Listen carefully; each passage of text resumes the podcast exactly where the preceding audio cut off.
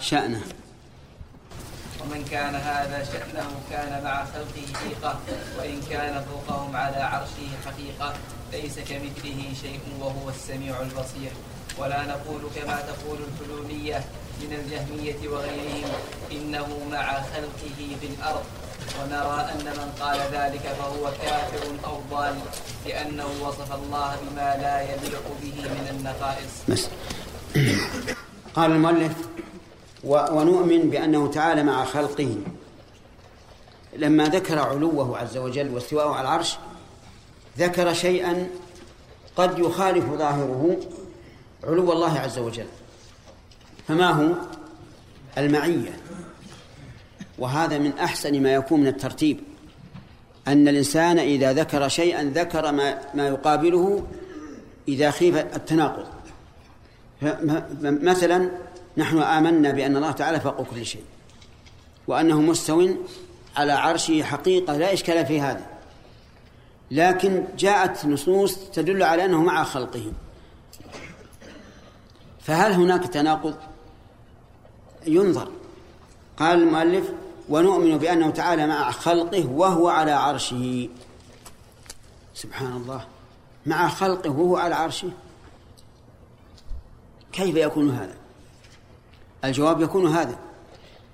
اولا لأن الله تعالى وصف نفسه بذلك أي بأنه على عرشه وأنه مع خلقه. فيجب أن نؤمن بهذا.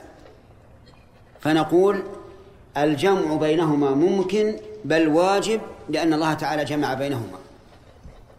جمع بينهما لنفسه. ولو كان هذا محالا لم يمكن. هذه واحد. ثانيا أن الله عز وجل ليست معيته كمعية الخلق. فإن الله تعالى ليس كمثله شيء. فهو على عرشه حقيقة ومع خلقه حقيقة. لكن لا منافاة. ثالثا أن الجمع بين العلو والمعية ممكن في المخلوقات. فإذا أمكن في المخلوقات ففي الخالق من باب أولى. كيف إمكان هذا في المخلوقات؟ نقول إن العرب لا يزالون يقولون ما زلنا نسير والقمر معنا. أو يقولون ما زلنا نسير والقطب معنا. أو ما زلنا نسير والجدي معنا. أو ما أشبه ذلك. مع أن محل هذه أين هي؟ في السماء. فالقمر يقول العرب وغير العرب إنه معنا ولو كان في السماء. فإذا أمكن الجمع بين العلو والمعية في المخلوق فبالباب أولى في الخالق. فهذه ثلاثة أوجه تكشف عنك ما يحصل لك من الشك والتعارض. إذن الله عز وجل على عرشه حقيقة وفوق خلقه حقيقة وهو معهم حقيقة. ذكر عن ابن عباس رضي الله عنه أن السماوات السبع والأرضين السبع في كف الله كخردلة في كف أحدنا. فمن كان هذا شأنه؟ فإننا لا نحيط به عز وجل. ويجب علينا أن نؤمن بما وصف به نفسه. أن نؤمن بما وصف به نفسه. فنقول هو في السماء فوق السماء حقيقة ومعنا حقيقة كما وصف نفسه. أفهمتم؟ طيب. بعض السلف فسر المعية بلازمها وقال معنى معكم أي يعلم بكم ويسمعكم ويبصركم ويسيطر عليكم. نقول هذا حق وهو تفسير لها باللازم وإلا فالمعية أبلغ من هذا. يقول نؤمن بأن الله تعالى مع خلقه وهو على عرشه. الجمع بينهما وش قلنا من ثلاثة أوجه. نعم. وهو مع يعلم أحوالهم ويسمع أقوالهم ويرى أفعالهم ويدبر أمورهم. يرزق الفقير ويجبر الكثير يؤتي الملك من يشاء وينزع الملك ممن يشاء ويعز, ويعز من يشاء ويذل من يشاء بيده الخير وهو على كل شيء قدير. كل هذا من لوازم المعية. طيب. قال ومن كان هذا شأنه كان مع خلقه حقيقة وإن كان فوقهم على عرشه حقيقة. ليس كمثله شيء وهو السميع البصير. هكذا قرره شيخ الإسلام رحمه الله وهو حق.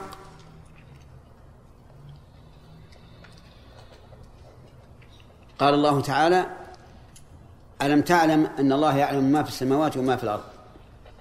ما يكون من نجوى ثلاثة إلا هو رابعهم ولا خمسة إلا سادسهم ولا أدنى من ذلك ولا أكثر إلا هو معهم أينما كانوا.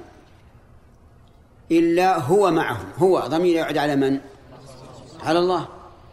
فيكون فيكون الله معنا حقيقة. لكن هل معناه أنه في المكان الذي نحن فيه؟ أبدا. أرأيتم ولله المثل الأعلى. لو أن رجلا في الطائرة محلقة فوق وعنده مجهر يكبر ويدني. وفي الأرض أناس مجتمعون. هل نقول هو معهم؟ نعم نقول هو معهم. لأنه يراهم ويبصرهم ويشاهدهم. وإن كان هو في السماء في الطائرة. فكيف بالرب عز وجل؟ إذا نؤمن بأنه معنا لكن لا نفسره كما تفسره الجهمية والحلولية. بل نقول هو معنا وهو عال على على خلقه. وإذا أردت أن أن تعرف هذا فاقرأ ليس كمثله شيء وهو السميع البصير. قال ولا نقول كما تقول الجهمية الحلولية من الجهمية وغيرهم إنه مع خلقه في الأرض. لا نقول هذا ونبرأ ممن يقول. ونرى أن من قال ذلك فهو كافر أو ضال.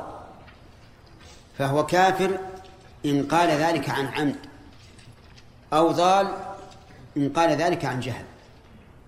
ولا يمكن أن يكون هذا حقا أبدا. لأنه وصف الله بما لا يليق بما لا يليق به من النقائص. إذ أنك إذا قلت إن الله معك حقيقة في الأرض لزم من هذا نقائص عظيمة. أن الأرض تحيط به أنه متجزئ في كل مكان أنه متعدد في كل مكان أنه في المراحيض نسأل الله العافية وبيوت الأذى والقدر. فلهذا قال المؤلف بما لا يليق به من النقائص. طيب. قال ونؤمن بما أخبر الله بما أخبر به عنه رسوله صلى الله عليه وعلى آله وسلم أنه ينزل كل ليلة إلى السماء الدنيا حين يبقى ثلث الليل الآخر فيقول من يدعوني فأستجيب له من يسألني فأعطيه من يستغفرني فأغفر له. هذا أيضا قد يظن الظان أنه ينافي علو الله ينزل عز وجل إلى السماء الدنيا كل ليلة حين يبقى ثلث الليل الآخر ويكون البطالون كأمثالنا هاجعون وأهل السير إلى الله تعالى مستيقظون يتهجدون. ينزل فيقول من يدعوني فأستجيب له. من يسألني فأعطيه. من يستغفرني فأغفر له. هل نزول ذلك هل نزوله عز وجل نزول حقيقي؟ نعم حقيقي. لأنه وصفه أعلم الخلق به فقال ينزل ربنا. والفاعل فاعل ينزل هو الله عز وجل فيكون نزوله حقيقة. حينئذ قد يظن الظان أن ذلك ينافي علوه كيف ينزل؟ وهو عالي فالجواب يا أخي لا تفسر صفات الله بصفات المخلوق. المخلوق حقيقة لا يمكن يكون عاليا وهو نازل لكن الخالق يمكن أن يتأتى هذا بحقه لأن الله ليس كمثله شيء. ثم لا تظن أنه إذا نزل إلى السماء الدنيا صارت السماوات الثانية وما فوقها فوقه. هذا لا يمكن. ثم لا تظن أنه إذا نزل إلى السماء الدنيا أن أن السماء تحيط به. بل هو أعظم. من السماوات. طيب. قال الذين لم تتسع أفهامهم إن الله ليس هو الذي ينزل وإنما الذي وإنما الذي ينزل رحمة الله. فمعنى ينزل ربنا أي تنزل رحمته. فما الجواب؟ الجواب أن هذا التحريف لأن الرسول صلى الله عليه وسلم يقول ينزل ربنا كيف نقول ينزل تنزل رحمته؟ هذا واحد. ثانيا رحمة الله عز وجل. هل هي لا تنزل إلا في الثلث الأخير من الليل؟ الجواب؟ لا رحمة الله ليلا ونهارا. في كل وقت تنزل الرحمة. ولولا رحمة الله تعالى بالخلق لهلكوا. ثالثا أي فائدة لنا أن تنزل رحمة إلى السماء ولا تصل الأرض؟ ما الفائدة؟ لا فائدة. وإذا لم يكن لذلك فائدة صار كلام النبي صلى الله عليه وعلى آله وسلم لغوا لا فائدة منه. رابعا أن الحديث صريح. يقول من يدعوني فأستجيب له. وهل يمكن للرحمة أن أن تكون أن تقول ذلك؟ نعم. لا يمكن. الرحمة وصف من أوصاف الله عز وجل. ولهذا قال شيخ الإسلام رحمه الله إن من دعا صفة من صفات الله فهو كافر بالاتفاق. إذا دعوت الصفة فأنت كافر بالاتفاق. لو قلت يا مغفرة الله اغفري لي كفر هذا. لأنك جعلت المغفرة إلها يجيبك. طيب. إذا بطل تفسير نزول الله عز وجل إلى السماء الدنيا بالرحمة. قال قوم آخرون ينزل ربنا إلى السماء الدنيا أي تنزل الملائكة. فالمراد ينزل ملك من الملائكة. قلنا هذا أيضا باطل. لأن الملك لا يمكن أن يقول من يدعوني فأستجيب له من يسألني فأعطيه من يستغفرني فأغفر له. وكل هذه التحريفات يا إخواننا مبنية على قاعدة فاسدة وهي اعتقد ثم استدل. اعتقد ثم استدل. ما هو الصواب؟ استدل ثم اعتقد. واجعل عقيدتك تابعة للدليل مبنية على دليل. لا تجعل الأدلة تابعة لعقيدتك. وما أفسد الخلق إلا هذه القاعدة الباطلة. اعتقد ثم استدل. نقول هذا غير صحيح. استدل أولا ثم اعتقد ثانيا. في هذا الحديث إشكال. حدث أخيرا حين عرف الناس اليوم أن ثلث الليل الأخير في المملكة ليس هو ثلث الليل الأخير في الجهات الشرقية ولا في الجهات الغربية. مثلا في اليابان الثلث الأخير إيش هو؟ لا الثلث الأخير عندنا. عندهم نهار في الغرب الثلث الأخير عندنا قد يكون هو الثلث الأول. فأشكل على بعض الناس. أشكل. قال كيف هذا؟ يلزم من هذا أن الله نازل دائما. ثلث الليل الأخير يدور على الأرض. لا تخلو منه الأرض. ولكن الجواب على عن هذا عن هذا الإشكال الذي ليس فيه إشكال في الواقع أن الله سبحانه وتعالى لا يماثله شيء. هذه واحدة. ثانيا أنه مبني على العقل. والصفات ليست ليست مبنية على العقل. مبنية على إيش؟ على السمع. يعني على الدليل السمعي. فمتى كان ثلث الليل على هذا الوجه من الأرض؟ فالنزول الإلهي ثابت. ومتى طلع الفجر على هذا الوجه من الأرض؟ وكان الثلث الآخر في مكان آخر؟ انتهى وقت النزول الإلهي. بالنسبة لهذا الوجه وثبت بالنسبة للوجه الآخر. وأنت أيها المؤمن ليس عليك إلا أن تصدق. ولا تقول كيف ولما وهل يمكن وما أشبه ذلك. صدق. قل ثلث الليل الآخر ينزل فيه الرب عز وجل في أي مكان كنت. وطلوع الفجر ينهي النزول الإلهي في أي مكان كنت. وحينئذ لا لا يكون عندك أشكال ولا تبقى متذبذبا. قال ونؤمن بأنه سبحانه وتعالى يأتي يوم المعاد للفصل بين العباد. نؤمن بأنه يأتي يأتي هو نفسه أو غيره. إذا أخذنا باللفظ يأتي الله عز وجل نفسه. الدليل كلا إذا دكت الأرض دكا دكا وجاء ربك والملك صفا صفا وجيء يومئذ بجهنم يومئذ يتذكر الإنسان وأنى له الذكرى. كلا إذا دكت الأرض دكا دكا هل المراد التأكيد في دكا دكا أو المراد دكا بعد دك؟ في نعم فيه فيه قولان أو احتمالان. أن يكون المراد التوكيد أو أنه دك ثم دك آخر أشد منه. وجاء ربك والملك الملك صفا صفا. هذه معناها صفا بعد صف.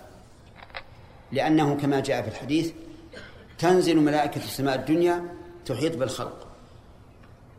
ثم الملائكة الثانية تحيط بملائكة الدنيا. وهلم جرا. فيكون صفا صفا أي صفا بعد صف. وهنا إشكال وهو قول الملك صفا صفا. والملك الواحد ما يمكن يكون صفا صفا. فالمراد الجنس.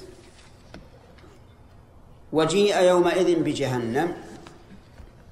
يجاء بها تجرها الملائكة. سبعين ألف زمام كل زمام يجر سبعين, سبعون ألف ملك. جيء بها حينئذ يشيب المولود. وحينئذ يتذكر الإنسان. يتذكر حاله في الدنيا حين كان كافرا بها. بهذه النار. قال الله عز وجل وأنى له الذكرى. الشاهد قوله وجاء ربك. جاء ربك. المجيء هنا حقيقة أو هو مجاز عن مجيء أمر الله؟ حقيقة. لأن الله أضافه إلى نفسه فعلينا أن نضيفه إلى الله. بقي أن يقال كيف يجي الجواب السؤال هذا بدعة. لا تقل كيف يجي يجيء كيف يريد عز وجل. لا تسأل عن هذا. قل آمنت بأنه عز وجل يجيء نفسه حقيقة للفصل بين العباد. طيب هذه هذه الصفة المجيء. ذاتية أو فعلية؟ لا بد أن نعرف الضابط. ما كان من الصفات لازما فهو ذاتي. وما كان غير لازم فهو فعلي. المجيء هنا لازم ولا غير لازم؟ غير لازم لأنه يأتي يوم القيامة فيكون من باب الصفات الفعلية. السمع والبصر لازم فيكون من الصفات الذاتية. قال ونؤمن بأنه تعالى فعال لما يريد. فعال صيغة مبالغة. يفعل ما يريد ولا أحد يمنعه. وكان النبي صلى الله عليه وعلى آله وسلم يقول لا مانع لما أعطيت ولا معطي معطي لما منعت. ونؤمن بأن إرادته تعالى نوعان. كونية يقع بها مراده ولا يلزم أن يكون محبوبا له. وهي التي بمعنى المشيئة كقوله تعالى ولو شاء الله ما اقتتل الذين من بعدهم نعم ولو شاء الله ما اقتتلوا ولكن الله يفعل ما يريد. وكقوله إن كان الله يريد أن يغويكم هو ربكم. الإرادة نوعان كونية وشرعية. اسمع للفرق بينهما. الكونية يقع بها مراده مراده. إذا أراد إرادة كونية لا بد أن يقع ولا يمكن أن يتخلف. فإذا أراد الله إيمان شخص آمن أو لا؟ نعم. آمن إذا كان إرادة شرعية كونية. وإذا أراد الله تعالى أن يهلك قرية أهلكها. الثاني الفرق نعم. الثاني هي لا يلزم أن يكون محبوبا له. فالله تعالى يريد ما ليس محبوبا له بل مكروها له. كيف؟ كيف يريد ما يكره؟ نعم يريد ما يكره لحصول محبوب.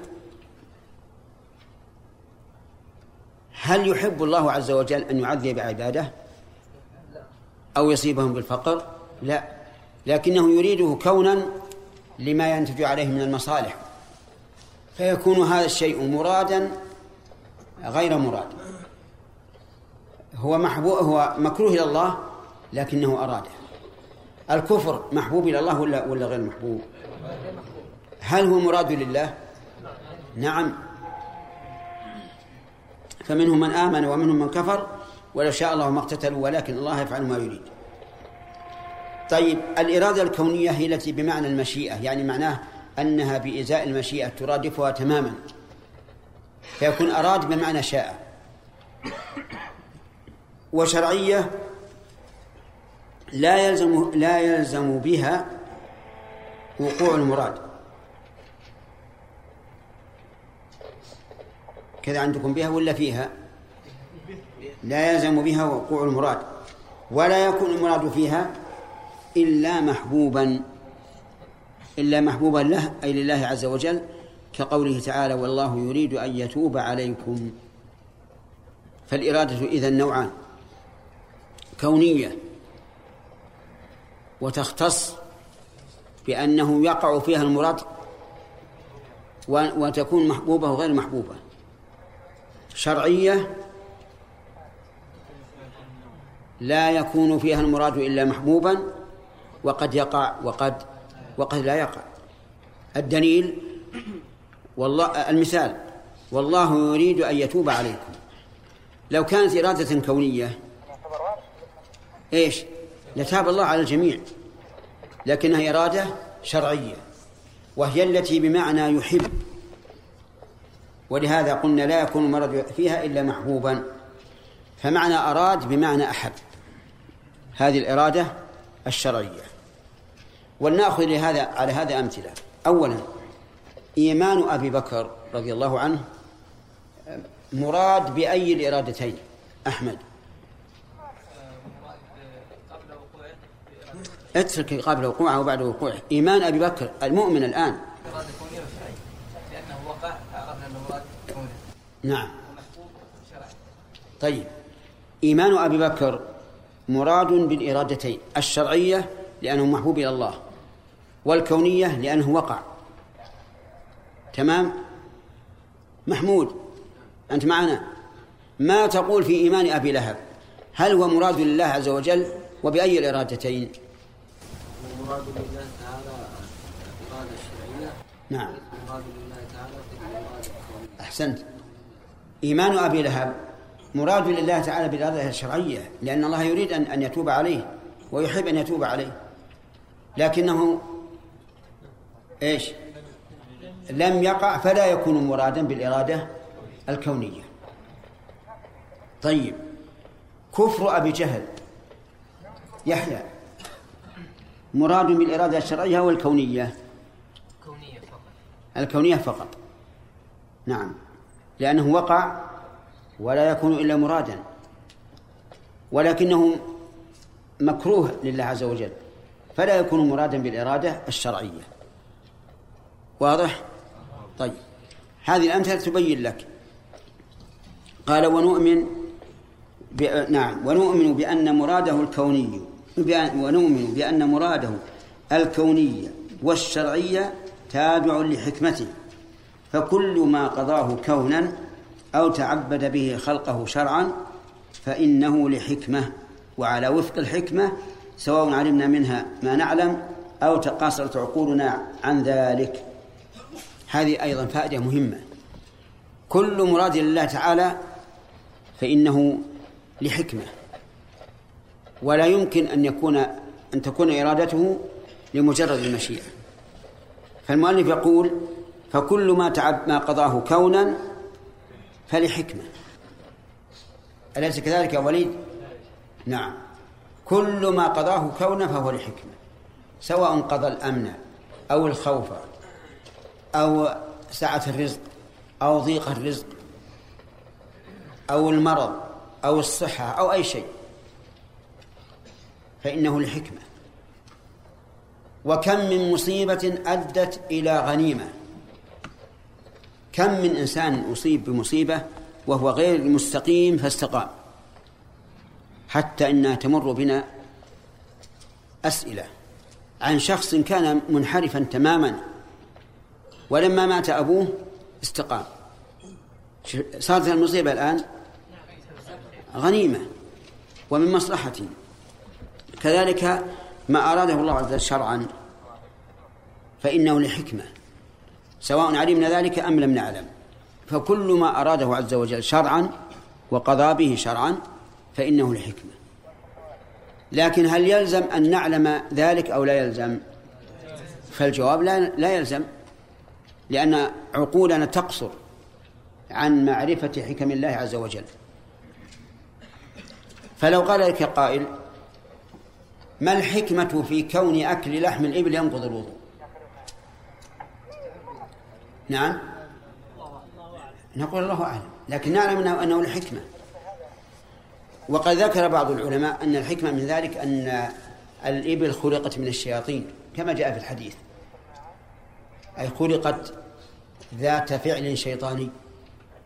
وليس المعنى أنها خلقت من نار لا خلقت مبنية على إيش؟ على الشيطنة والغلظة. كقول الله تعالى خلق الإنسان من عجل مع أن مخلوقون من تراب لكن من عجل يعني لأن هذا هو وصفنا اللازم لنا. الشيطنة بالنسبة للإبل هذا هو الأصل إلا أن الله ذللها لنا والحمد لله. فمن العلماء من قال إننا أمرنا بالوضوء من أكل لحم الإبل. لأننا إذا تغذينا بهذا اللحم من هذا الحيوان المبني على الشيطنة اكتسبنا من من طباعه. والماء يزيل أثر ذلك وهو الوضوء. ولهذا أمر الإنسان إذا غضب أن يتوضأ. على كل حال القاعدة عندك أيها المؤمن أن تؤمن بأن جميع ما يشرعه الله عز وجل فهو لحكمة. وجميع ما يقضيه الله عز وجل من الأمور القدرية فهو لحكمة سواء علمت أم لم تعلم. قال ونؤمن.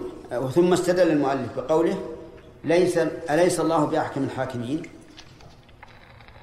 الجواب بلى هو أحكم الحاكمين في حكمه الكوني وحكمه الشرعي. ومن أحسن من الله حكما لقوم يوقنون. من؟ استفهام بمعنى النفي.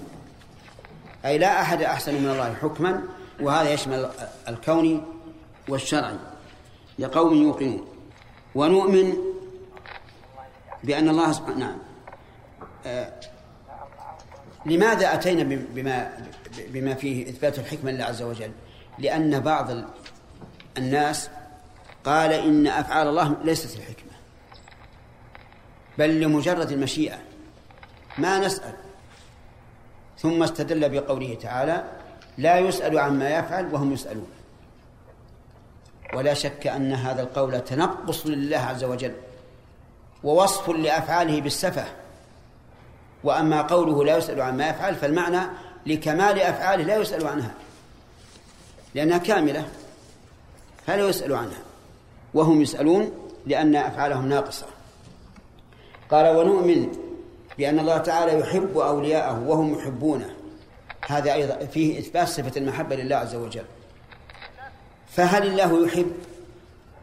فالجواب نعم. هل الله يحب؟ فالجواب نعم. كما قال عز وجل قل إن كنتم تحبون الله فاتبعوني يحببكم الله. الأول تحبون الله إثبات أن أن الله يحب والثانية يحببكم الله أنه يحب. وقال عز وجل فسوف يأتي الله بقوم يحبهم ويحبونه. هذه فيها إثبات المحبة من الجانبين. وقال عز وجل والله يحب الصابرين وأقسطوا إن الله يحب المقسطين وأحسنوا إن الله يحب المحسنين. أتى المؤلف بثلاث الآيات لأن الأولى فيها الصبر على الأذى. والله يحب الصابرين. والثانية فيها القيام بالعدل. يعني إن أردت أن تنتقم من أحد ولا, ولا, ولا استطعت الصبر فاعدل. والثالثة فيها الإحسان وهو أكمل من العدل. ولهذا قال أحسنوا إن الله يحب المحسنين. في هذه الآيات أو في هذا القطعة إثبات المحبة لله عز وجل. انتبه يا رجل. فهل نثبت أن الله تعالى يحب ويحب؟ نعم يجب علينا هذا. ونحن ندركه ندرك ذلك بأنفسنا. يدرك العبد أنه يحب ربه لما غذاه به من النعم وأمده بكل ما يحتاج. ولهذا جاء في الأثر أحب الله لما يغذوكم به من النعم. والله عز وجل يحب كما أخبر عن نفسه. يحب المتقين يحب المقسطين يحب الصابرين. فهو يحب وإيش؟ ويحب. محبة حقيقية أو هي كناية عن كذا وكذا. الجواب محبة حقيقية يجب علينا هذا. محبة حقيقية. قال بعض بعض أهل التعطيل إن الله لا يحب. وإن الله لا يحب والذي نفسي بيده ما قالوها إلا لأنهم حرموا محبة الله والعياذ بالله.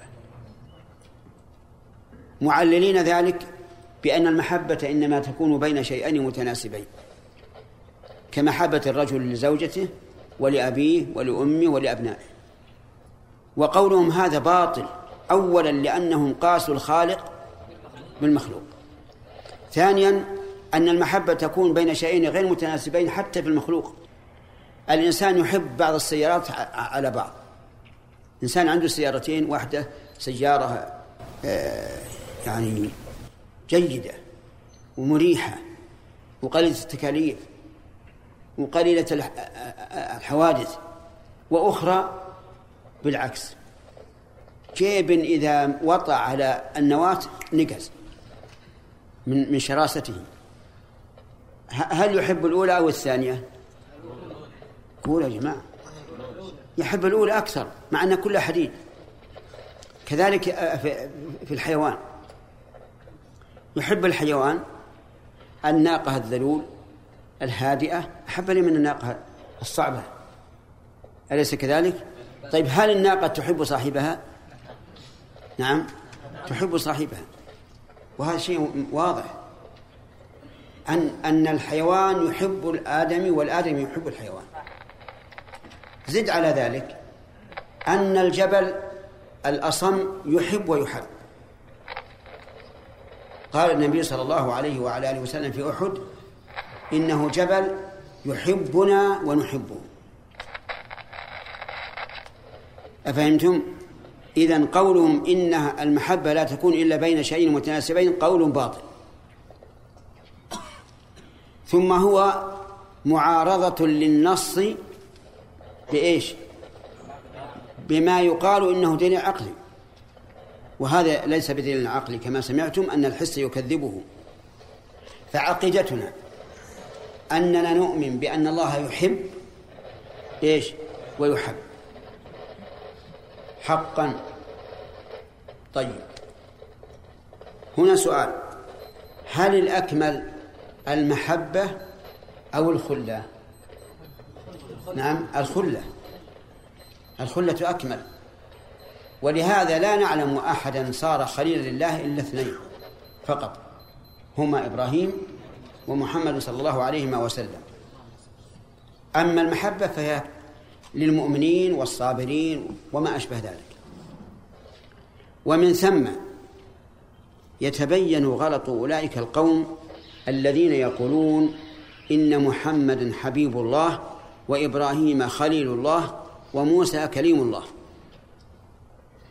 نقول هضمتم حق محمد صلى الله عليه وعلى آله وسلم. جعلتوه من الأحبة مع أنه من الأخلاء. خليل الله والخلة أكمل من المحبة. لأن كل إنسان يستطيع أن يصل إلى محبة الله لكن لا تحصل له الخلة. لكن هؤلاء يقلد بعضهم بعضا ولا يميزون ولا بين هذا وهذا. طيب قال ونؤمن بأن الله تعالى يرضى ما شرعه من الأعمال والأقوال ويكره ما نهى عنه منها. واستدل المؤلف بقوله إن تكفروا فإن الله غني عنكم ولا يرضى لعباده الكفر وإن تشكروا يرضه لكم. ففي هذه الآية نفي الرضا وإثبات الرضا. نفي الرضا بإيش؟ بالكفر. وإثبات الرضا بالشكر. وقال عز وجل ولكن كره الله بعاثهم فثبطهم وقيل اقعدوا مع القاعدين. كره الله انبعاثهم يعني في الغزو. فثبطهم وقيل اقعدوا مع القاعدين لأن الله قال لو خرجوا فيكم ما زادوكم إلا خبالا ولا أوضعوا خلالكم. يبغونكم الفتنة وفيكم سماعون لهم. الشاهد يجب علينا أن نثبت بأن الله يرضى. ولا يرضى. يرضى الشكر ولا يرضى الكفر. والرضا.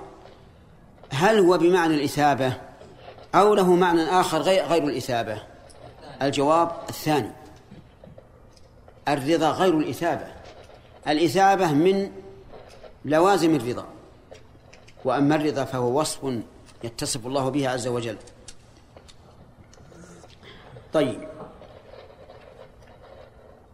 قوله ولكن كره الله انبعاثهم فثبتهم وقيل قولوا مع القاعدين. فيه والله التحذير العظيم. من تأخر الإنسان عن فعل الخير. إذا رأيت من نفسك تأخر عن فعل الخير فاتهمها. فلعل الله عز وجل كره أن تفعل هذا الخير. فجدد النية وافعل. لأن الله يقول كره الله انبعاثهم فإيش؟ فثبطهم. وقيل اقعدوا مع القاعدين حاسب نفسك. وقد ورد في الحديث أن الله يقول لجبريل يا جبريل أقم فلانا للتهجد. وأنم فلانا. أقم فلانا لأني أحبه و... أ... أ... نعم. وأنم فلانا لأني أكرهه. حاسب نفسك. وأول ما أقوله لنفسي أن أحاسب نفسي. إذا تثب إذا تثبت عن فعل الخير فأخشى أن أكون ممن كره الله ممن كره الله انبعاثهم فثبطهم. واعلم أنك إذا لم تؤمن بالشيء أول مرة فإن ذلك سبب لاستمرارك في التكذيب. قال الله عز وجل ونقلب أفئدتهم وأبصارهم. كما لم يؤمنوا به أول مرة ونذرهم في طغيانهم يعمهون. وقال عز وجل بل كذبوا بالحق لما جاءهم فهم في أمر مريج مختلط يضيع عليهم اليقين ويبقون حيارى شاكين. نعوذ بالله من هذا. فتش نفسك فتش قلبك انظر عزيمتك على فعل الخير. إذا رأيت من نفسك التثبيط فانتشل نفسك قبل أن يضيع عليك الأمر. نعم. فثب... نعم. الشاهد من هذه الآية من, ه... من هذه الآيات إثبات الرضا وإيش؟ وإثبات الكراهة أن الله يكره وهذا حق. وهل هما صفتان حقيقيتان؟ أو كنايتان أو, أو هما كنايتان عن شيء المحبة عن الثواب والرضا عن الثواب والكراهة عن العقاب. الأول لا شك. هذا هو الواجب.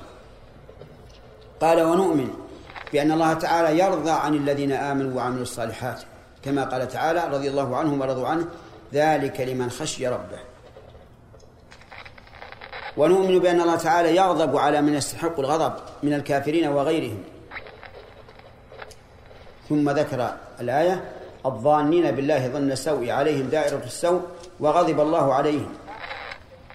ولا والثانية ولكن من شرح بالكفر صدرا فعليهم غضب من الله ولهم عذاب عظيم. نؤمن بأن الله تعالى يتصف بالغضب. انتبه. غضب حقيقي وليس هو الانتقام كما قاله المحرفون. المحرفون يقولون في غضب الله عليهم يعني انتقم منهم. سبحان الله. الانتقام شيء آخر منفصل عن الله عز وجل والغضب صفة قائمة بالله. فكيف تحرفونها قالوا نعم نحرف هذا. لأن الغضب غليان دم القلب لطلب الانتقام. هذا الغضب. غليان دم القلب. لطلب الانتقام. والرب عز وجل لا يوصف بهذا. فالجواب الجواب أن الذي قلتم هو هو غضب المخلوق. كما قال النبي صلى الله عليه وسلم إن الغضب جمرة يلقيها الشيطان في قلب ابن آدم. وهذا هو معنى قول الفلاسفة إنه غليان دم القلب. فنقول هذا هذا هذا الغضب غضب من؟ غضب المخلوق. أما غضب الله عز وجل فلا نعلم كيفيته. لكن يجب علينا إثباته يجب علينا إثباته. وأما الانتقام فهو شيء غير الغضب بدليل قوله تعالى فلما آسفونا انتقمنا منهم. آسفونا يعني أغضبونا انتقمنا. فجعل الانتقام غير الغضب. طيب. إذا قال قائل هل يوصف الله بالحزن كما يوصف بالغضب؟ فالجواب لا؟ لا يوصف. لأن الحزن دليل على ضعف على الضعف والغضب دليل على القوة. انتبه الغضب صفة كمال في محله والحزن صفة نقص. لأن الحزن يعني أن المحزون عاجز عن دفع ما نزل به. والغضب إيش؟ دليل على أن الغاضب قادر على الانتقام. فالغضب في محله صفة كمال والحزن صفة نقص على كل حال. ولهذا لا يجوز أن نصف الله بالحزن ويجب أن نصفه بالغضب حيث وصف نفسه تبارك وتعالى. رجل سب شخصا. له سلطة وله قدرة. ما موقف هذا الذي حصل عليه السب من الذي سبه؟ هل يحزن أو يغضب؟ ها؟ يغضب. يغضب وينتقم منه. رجل آخر ضرب صبي صبيا. الرجل كبير ضرب الصبي. يغضب الصبي ولا ما يغضب؟ أنا ما قلت لكم وش يفعل. أقول هل يغضب ولا ما يغضب؟ ها؟ لا يغضب. لأن لو غضب وش ما زي شيء. لكنه يحزن ويصيح. لأنه ضعيف بالنسبة لهذا الذي أراد أن يبطش به. فالحاصل يوصف الله تبارك وتعالى بالغضب الحقيقي حيث حيث وصف نفسه. ولا يوصف بالحزن لأنه نقص. وهذا كقولنا إن الله يوصف بالخداع حيث كان الخداع كمالا. ولا يوصف بالخيانة. أبدا. لأن الخيانة نقص والخداع قوة. قال المؤلف ونؤمن بأن لله تعالى وجها موصوفا بالجلال والإكرام إلى آخره انتقل المصنف من الصفات المعنوية إلى الصفات الخبرية. الصفات الخبرية هي التي نظيرها بالنسبة لنا أجزاء وأبعاض الوجه بالنسبة لنا ها بعض أو جزء أو عضو أو ما أشبه ذلك. بالنسبة لله عز وجل لا نقول إنها بعض لكن نقول هي من الصفات الخبرية. التي ثبتت بالخبر وليست معنى.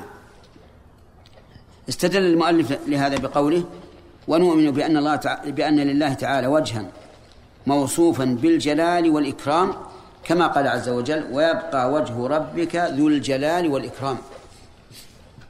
يبقى وجه ربك ذو الجلال والإكرام. ذو الجلال بالواو. صفة لإيش؟ لوجه لا للرب. ولهذا كانت مرفوعة. فالموصوف إذن بالجلال, بالجلال والإكرام هو وجه الله عز وجل. وهذه الآية مسبوقة بقوله تعالى كل من عليها فان ويبقى وجه ربك. قال بعض السلف إذا قرأت كل من عليها فان ويبقى وجه ربك ذو الجلال والإكرام فصل الآية بعدها ويبقى وجه ربك. نعم. أقول كل من عليها فان ويبقى وجه ربك. يقول صل الآية ويبقى وجه ربك بالآية بالتي قبلها. حتى يتبين لك كمال الله عز وجل أن كل من عليها على البسيطة فاني وأما الله فلا. نعم. وهذا حق. طيب. نثبت الله تعالى وجها. حقيقي ولا غير حقيقي؟ حقيقي. موصوفا بالجلال والإكرام. بالجلال بالعظمة والإكرام إكرام من يستحق الإكرام أو الإكرام أنه يستحق أن يكرم. فقول الإكرام له معنيان يعني. المعنى الأول أنه يكرم من يستحق الإكرام عز وجل وما أعظم ما يكرم به أولياءه وهو الجنة. اللهم اجعلنا من أهلها. وكذلك هو نفسه يكرمه المؤمنون من عباده. طيب. هذا الوجه عليه أسئلة. أولا هل يجوز أن نسأل أمستطيل هو أم مستدير؟ الجواب حرام لا يجوز. بدعة. هل يجوز أن نقول فيه عينان أو لا؟ لا يجوز. لا يجوز. لا نعلم. هل نجوز يجوز أن نقول لونه كذا أو كذا؟ لا. كل شيء يسأل فيه عن الكيفية فإنه حرام. والسؤال عنه بدعة. طيب. ثانيا يقول ونؤمن بأن لله تعالى يدين كريمتين عظيمتين. الدليل بل يداه مبسوطتان ينفق كيف يشاء. فلله تعالى يدان. اثنتان. آه كريمتان عظيمتان. الدليل بل يداه مبسوطتان ينفق كيف يشاء. هذا كرم. وما قدر الله حق قدره والأرض جميعا قبضته يوم القيامة والسماوات مطويات بيمينه. سبحانه وتعالى عما يشركون هذا عظمة. شوف اليد الأرض جميعا قبضته يوم القيامة. وليس المراد بالقبضة هنا التصرف المراد أنه يقبضها عز وجل بيده. الأرض كلها. والسماوات مطويات بيمينه عز وجل. كما قال تعالى يوم نطوي السماء كطي السجل للكتب. وهذا يدل على إيش؟ على عظمة هذه اليد وعلى قوتها. وهي يد حقيقية ثابتة لله عز وجل. قال أهل التحريف اليد يعني النعمة. اليد يعني النعمة. فنقول هذا تحريف. وكيف يمكن أن تكون النعمة؟ والله, والله يقول بل يداه. هل النعم اثنتان فقط؟ الجواب لا. قال الله تعالى وإن تعدوا نعمة الله لا تحصوها. طيب. ذكر الله تعالى اليد في القرآن. بالجمع والتثنية ولا منافاة لأن الجمع للتعظيم والتثنية لبيان العدد فهما يدان اثنتان لكنهما عظيمتان جمعتا في قوله تعالى أولم يروا أنا خلقنا لهم مما عملت أيدينا أنعاما؟ ونؤمن أيضا؟ لا لا ساعة ثلث الحين. إيه؟ والله الظاهر لك شغل يا شيخ. نعم. نقف على هذا. المسؤولية على على موسى. نعم. كيف شيخ نجمع من قوله جل وعلا كل من عليها فان وان بعض الاشياء مثل العرش والكرسي لا تفنى نعم. كيف نجمع بين قوله جل وعلا كل من عليها فان يجب يا بسام أن تعلم أن النصوص الشرعية كلها صدرت من واحد وهو الله عز وجل. فإذا جاء لفظ عام وآخر خاص يحمل العام على الخاص. ونقول ما ما ما ثبت أنه لا يزول ولا يفنى فإنه يبقى على على ما على ما ثبت ويكون الفناء للباقي. هذه خذها قاعدة لا في الأحكام الشرعية ولا في الأمور العلمية الخبرية. نعم. شيخنا بارك الله فيك آه، لماذا أنا نقول يقف على كل من عليها فان كما قلنا فويل المصلين؟ لأن الله اتخذها وقتا لا لا قص ال- ال- الذي قال من السلف هي على كل حال هي آية وال- والوقف عليها خير من الوصل لكن قصده لبيان المعنى. وكمال بقاء الله عز وجل. أن غير الله فاني وأما الله فهو باقي.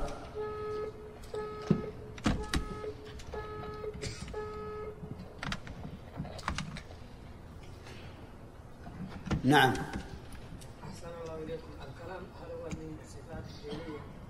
من إيش؟ الكلام صفة ذاتية فعلية. باعتبار آحاده صفة فعلية. لأنه متى شاء تكلم. وباعتبار أصله صفة ذاتية لأنه لم يزل يتكلم. لا ي... لم يأتي عليه زمان وهو لا, وهو لا يتكلم. نعم. بالنسبة ل... بالنسبة ل... مثلنا إحنا الكونية والشرعية إيمان بالبدر إيمان بلهب. إيمان إيمان بلهب لم تذكر لم تذبح لي إحنا مثلنا بإيمان أبي لهب؟ ولا بكفر أبي لهب؟ ها؟ إيمان. أي طيب. إيمان أبي لهب مراد لله شرعا. يعني أراد الله منه شرعا أن يؤمن. ولهذا يعتبر هو مكلف. مكلفا بتصديق الرسول صلى الله عليه وسلم. هذه هذا مراد شرعا. لكن هل أريد كونا؟ أجب نعم. إيمان أبي لهب أريد كونا إيمان أبي لهب تعرف أبو لهب؟ هل هو مراد كونا أو غير مراد؟ كيف؟ يا يا راجل أبو لهب هل إيمانه مراد كونا؟ لو لو أراده الله كونا؟ لوقع اتضح لك؟ لا هو مراد شرعا لكن لم يقع؟ إيمان أبي لهب مراد الله شرعا لكنه لم يرد له كونا ولذلك لم يقع. واضح؟ زين. طيب. نعم. الله عليك. الحنان من صفات الله. الحنان ورد في في بعض ال- الأحاديث الحنان لكنه ضعف. أما المنان فهو ثابت. نعم. أخذت ظن ها؟ طيب. لا القديم هو القدم. القديم ليس من أسماء الله. لكنه عند المتكلمين يرون أنه من أسماء الله. ويرون أن القدم هو أخص أوصاف الله عز وجل ولكنهم غلط- غلطوا في هذا. قال الله تعالى حتى عاد كالعرجون القديم. فالقديم ليس من من الأسماء الحسنى لأن القدم قد يراد به القدم النسبي دون القدم ال- ال- التام. نعم. ارفع يدك. نعم احسن الله اليك الفتاح الف... أي نعم من أسماء الله. قل يجمع بيننا بالحق قل يجمع بيننا ربنا بالحق ثم يفتح بيننا وهو الفتاح العليم. نعم. جزاكم الله خيرا. ذكرنا أن الله أن نؤمن بأن الله مع خلقه وهو على عرشه. نعم. وبأن أحد السلف يعني فسرها بلازمها. نعم. ف فهل آه، نزول الله إلى السماء الدنيا آه، يعني أيضا يمكن أن تفسر بلازمها؟ لا يمكن لا يمكن. وما علمنا أحدا فسرها بلازمها لكنهم أنكروا على من فسرها بأنها نزول الرحمة أو أنها نزول الملك من الملائكة أنكروا هذا. ف- فما هو الضابط لتفسير الصفات بلازمها أو عدمها؟ أحسن. الواجب تفسير الصفات بحقيقة معناها. ولا نلجأ لتفسيرها باللازم إلا إذا كنا نخاطب من لا يتسع ذهنه للحقيقة. فمثل السلف فسروها بالعلم المعية لأنه شاع في وقتهم قول الجهمية أنه معنا بذاته في الأرض والعام لا يفهم أن يكون الله في السماء وفي وهو معنا. لا يفهم هذا لا يتصوره تماما. ففسروها بالعلم. ولهذا عبر بعض السلف. قال ولا نقول إنه ها هنا كما تقول الجهمية. نعم. الصفات الفعلية أليست مثل الكلام في أن أصلها ذاتي؟ لا. الآن مثلا الاستواء على العرش؟ ما سبق خلق العرش. لكن قد يقول قائل إن الاستواء على العرش نوع من الأفعال. وأن جنس الأفعال صفة ذاتية ولا مانع من هذا. أن نقول جميع الصفات الفعلية ترجع إلى الصفة إلى جنس الصفات الذاتية لأن جنسها لم يزل ولا يزال الله تعالى موصوفا به. نعم. أحسن الله إليك يا شيخ. هل صح عن الإمام الشافعي أنه قال ينزل ولا يخلو العرش منه؟ وهل آه. هذه المقولة صحيحة؟ نعم. هذه مسألة خاض الناس فيها وما كان ينبغي أن يخاض فيها. يعني هل إذا نزل يخلو منه العرش أو لا يخلو منه العرش؟ أو نسكت؟ فيها أقوال للعلماء. بعضهم قال إنه ينزل ويخلو العرش منه. وبعضهم قال إنه ينزل ولا يخلو العرش منه. لأن الله أثبت استواءه على العرش وأثبت نزوله. والله عز وجل ليس كمثله شيء فيمكن أن يجتمع في حقه النزول والاستواء وإلى هذا يميل شيخ الإسلام ابن تيمية رحمه الله. ومنهم من قال نقول ينزل ولا نقول يخلو ولا ما يخلو. والصواب أن هذا الإيراد غير وارد. أصلا لا يرد هذا. ولا يجوز أن نقول هل يخلو منها أو لا يخلو. لأن لأنه سبقنا من هو أحرص منا على العلم وأشد منا حبا لله وهم الصحابة ولم يقولوا يا رسول الله إذا نزل إلى السماء الدنيا فهل يخلو منه عرش أو لا يخلو؟ فليسعنا ما ما وسعهم أفهمت؟ فالذي أرى في هذا وإن كان شيخ الإسلام يميل إلى أنه لا يخلو منه عرش الذي أرى أن هذا السؤال غير وارد أصلا. ولا يجوز أن يريده الإنسان على نفسه ولا يريد ولا يريده على غيره. فهمت؟ نعم. هل يقال ذكر معين بعد قول الله تعالى كل من عليها فان فبأي آلاء ربكما تكذبان؟ هل يقال ذكر معين؟ مثل إيش؟ سمعت أن الجن قالت بعد ها هذه ما هو مو على على كل من عليها فان هل إذا ختمت الآية فبأي آلاء ربكما تكذبان هل نقول لا بشيء من آلائك ربنا نكذب الجواب نعم القرآن استفهام وأخبار وأحكام. فإذا استفهم الله عز وجل هل ند- ندعه بلا, بلا, بلا رد؟ ما إذا قال بأي آلاء بأي آلاء ربكما تكذبان نقول لا نكذب بشيء من آلائك. وإذا قال أليس الله بأحكم الحاكمين؟ نقول بلى. أليس الله بعزيز الانتقام؟ بلى. أليس الله بكاف عبده؟ بلى.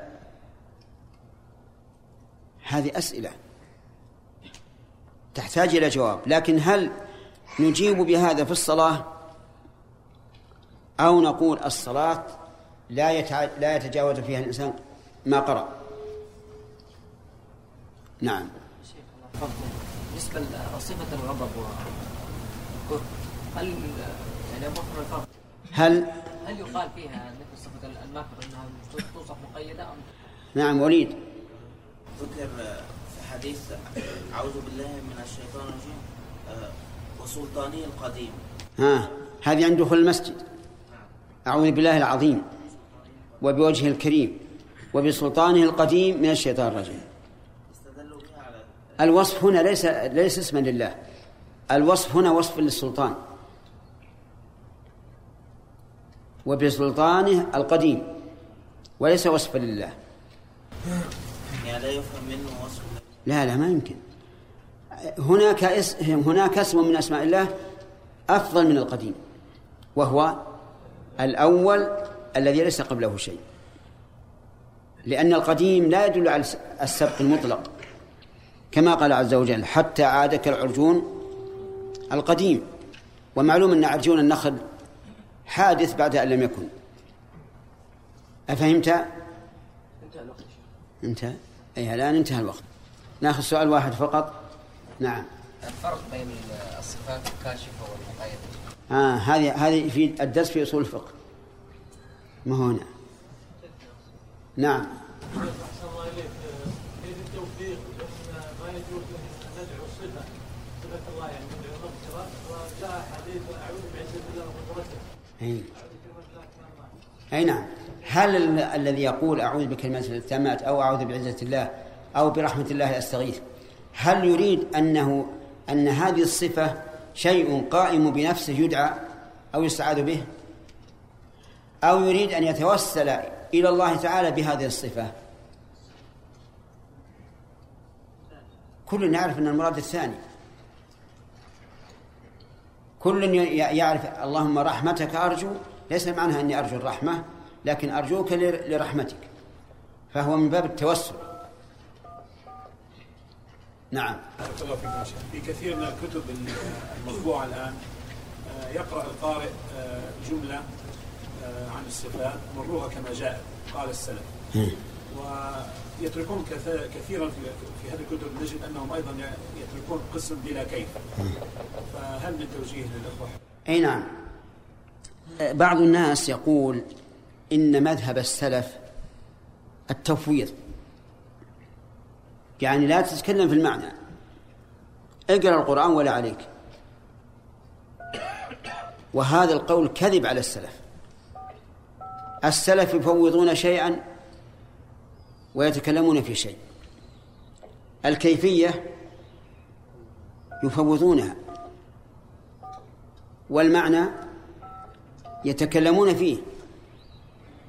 ويفصلون فيه ويقسمونه كما قسموا العزة مثل إلى ثلاثة أقسام والعلو إلى قسمين وما أشبه ذلك.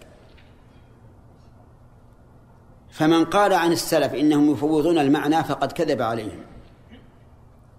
وقد نقلت لكم أن شيخ الإسلام ابن تيمية رحمه الله مع سعة اطلاعه يقول إن قول أهل التفويض من شر أقوال أهل البدع والإلحاد. وهو عند كثير من من الناس حتى العلماء المعتبرين يقولون مذهب أهل السنة التفويض فيقال هذا غلط غلط على أهل السنة. كيف ينزل الله عز وجل قرآنا على الناس لا يفهمون معناه؟ هل هذا لائق بالحكمة؟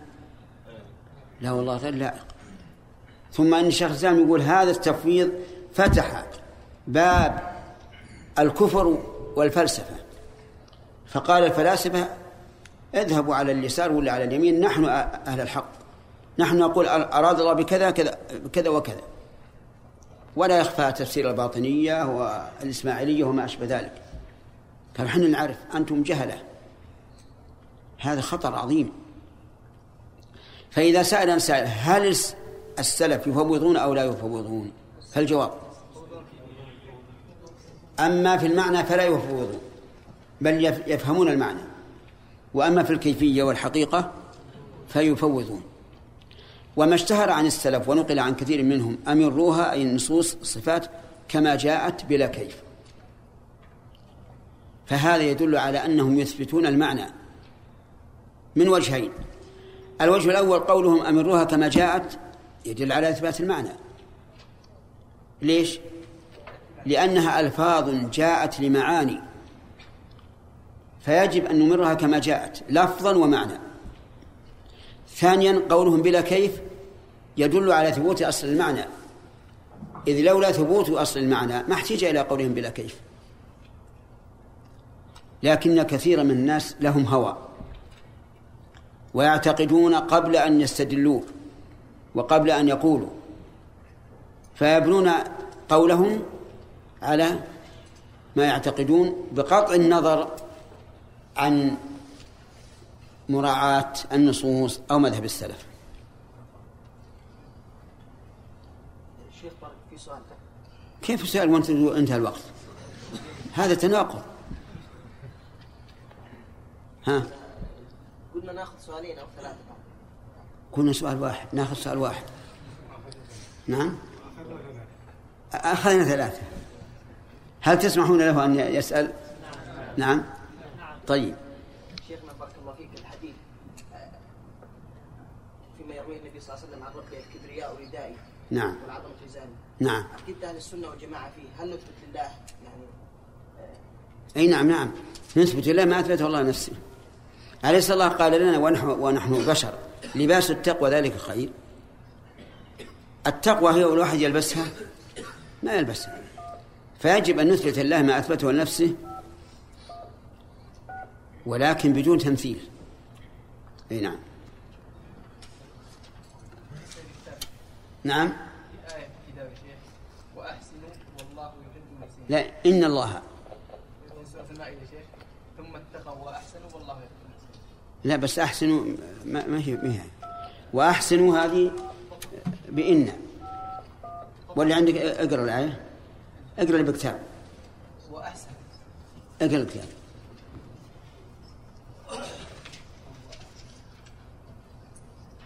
وأحسنوا والله يحب المحسنين أي وأحسنوا.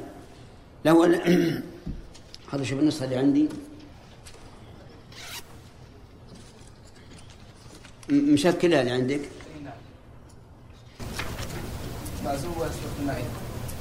أنا عندي. وأحسنوا إن الله يحب المحسنين. اللي عندي وأحسنوا إن الله يحب المحسنين. اللي عندي وأحسنوا إن الله يحب المحسنين. وهذه أولى من من نسخكم وأحسنوا والله يحب المحسنين. لأن وأحسنوا تحتاج إلى بيان المعطوف عليه. وأيضا اللي معنا فيها الأمر بالإحسان ففيها زيادة. على كل حال اللي عنده والله يحب المحسنين يجعلها إن الله يحب المحسنين.